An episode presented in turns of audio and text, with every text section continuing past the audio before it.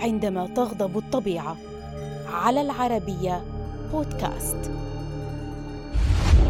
بينما كان الأوروبيون ينتظرون قدوم الصيف في عام 2003 لتنعم قارتهم الباردة بالدفء قليلا. فاجأهم صيف ملتهب أذاب الأسفلت وأحرق الغابات وقتل نحو سبعين ألف شخص وتسبب في خسائر بالمليارات ليعلن صيف ذلك العام الكارثة الأكثر دموية في أوروبا على الإطلاق.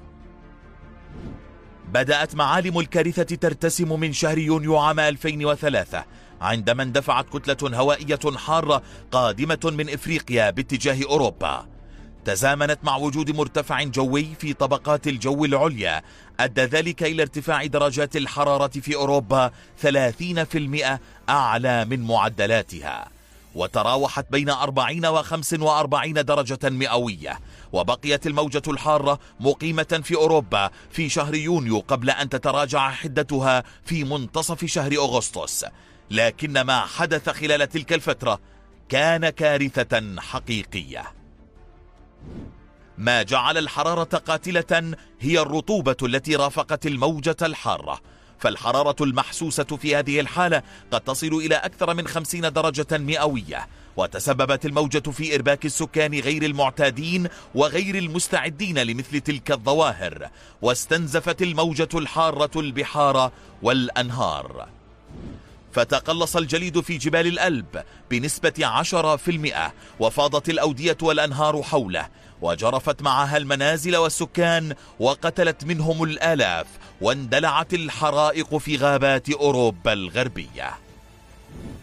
ففي البرتغال وحدها التهمت الحرائق ما مساحته 2100 كيلومتر مربع ما يعادل مساحة لوكسمبورغ وأثرت الحرائق على المحاصيل الزراعية وانخفضت مستويات المياه.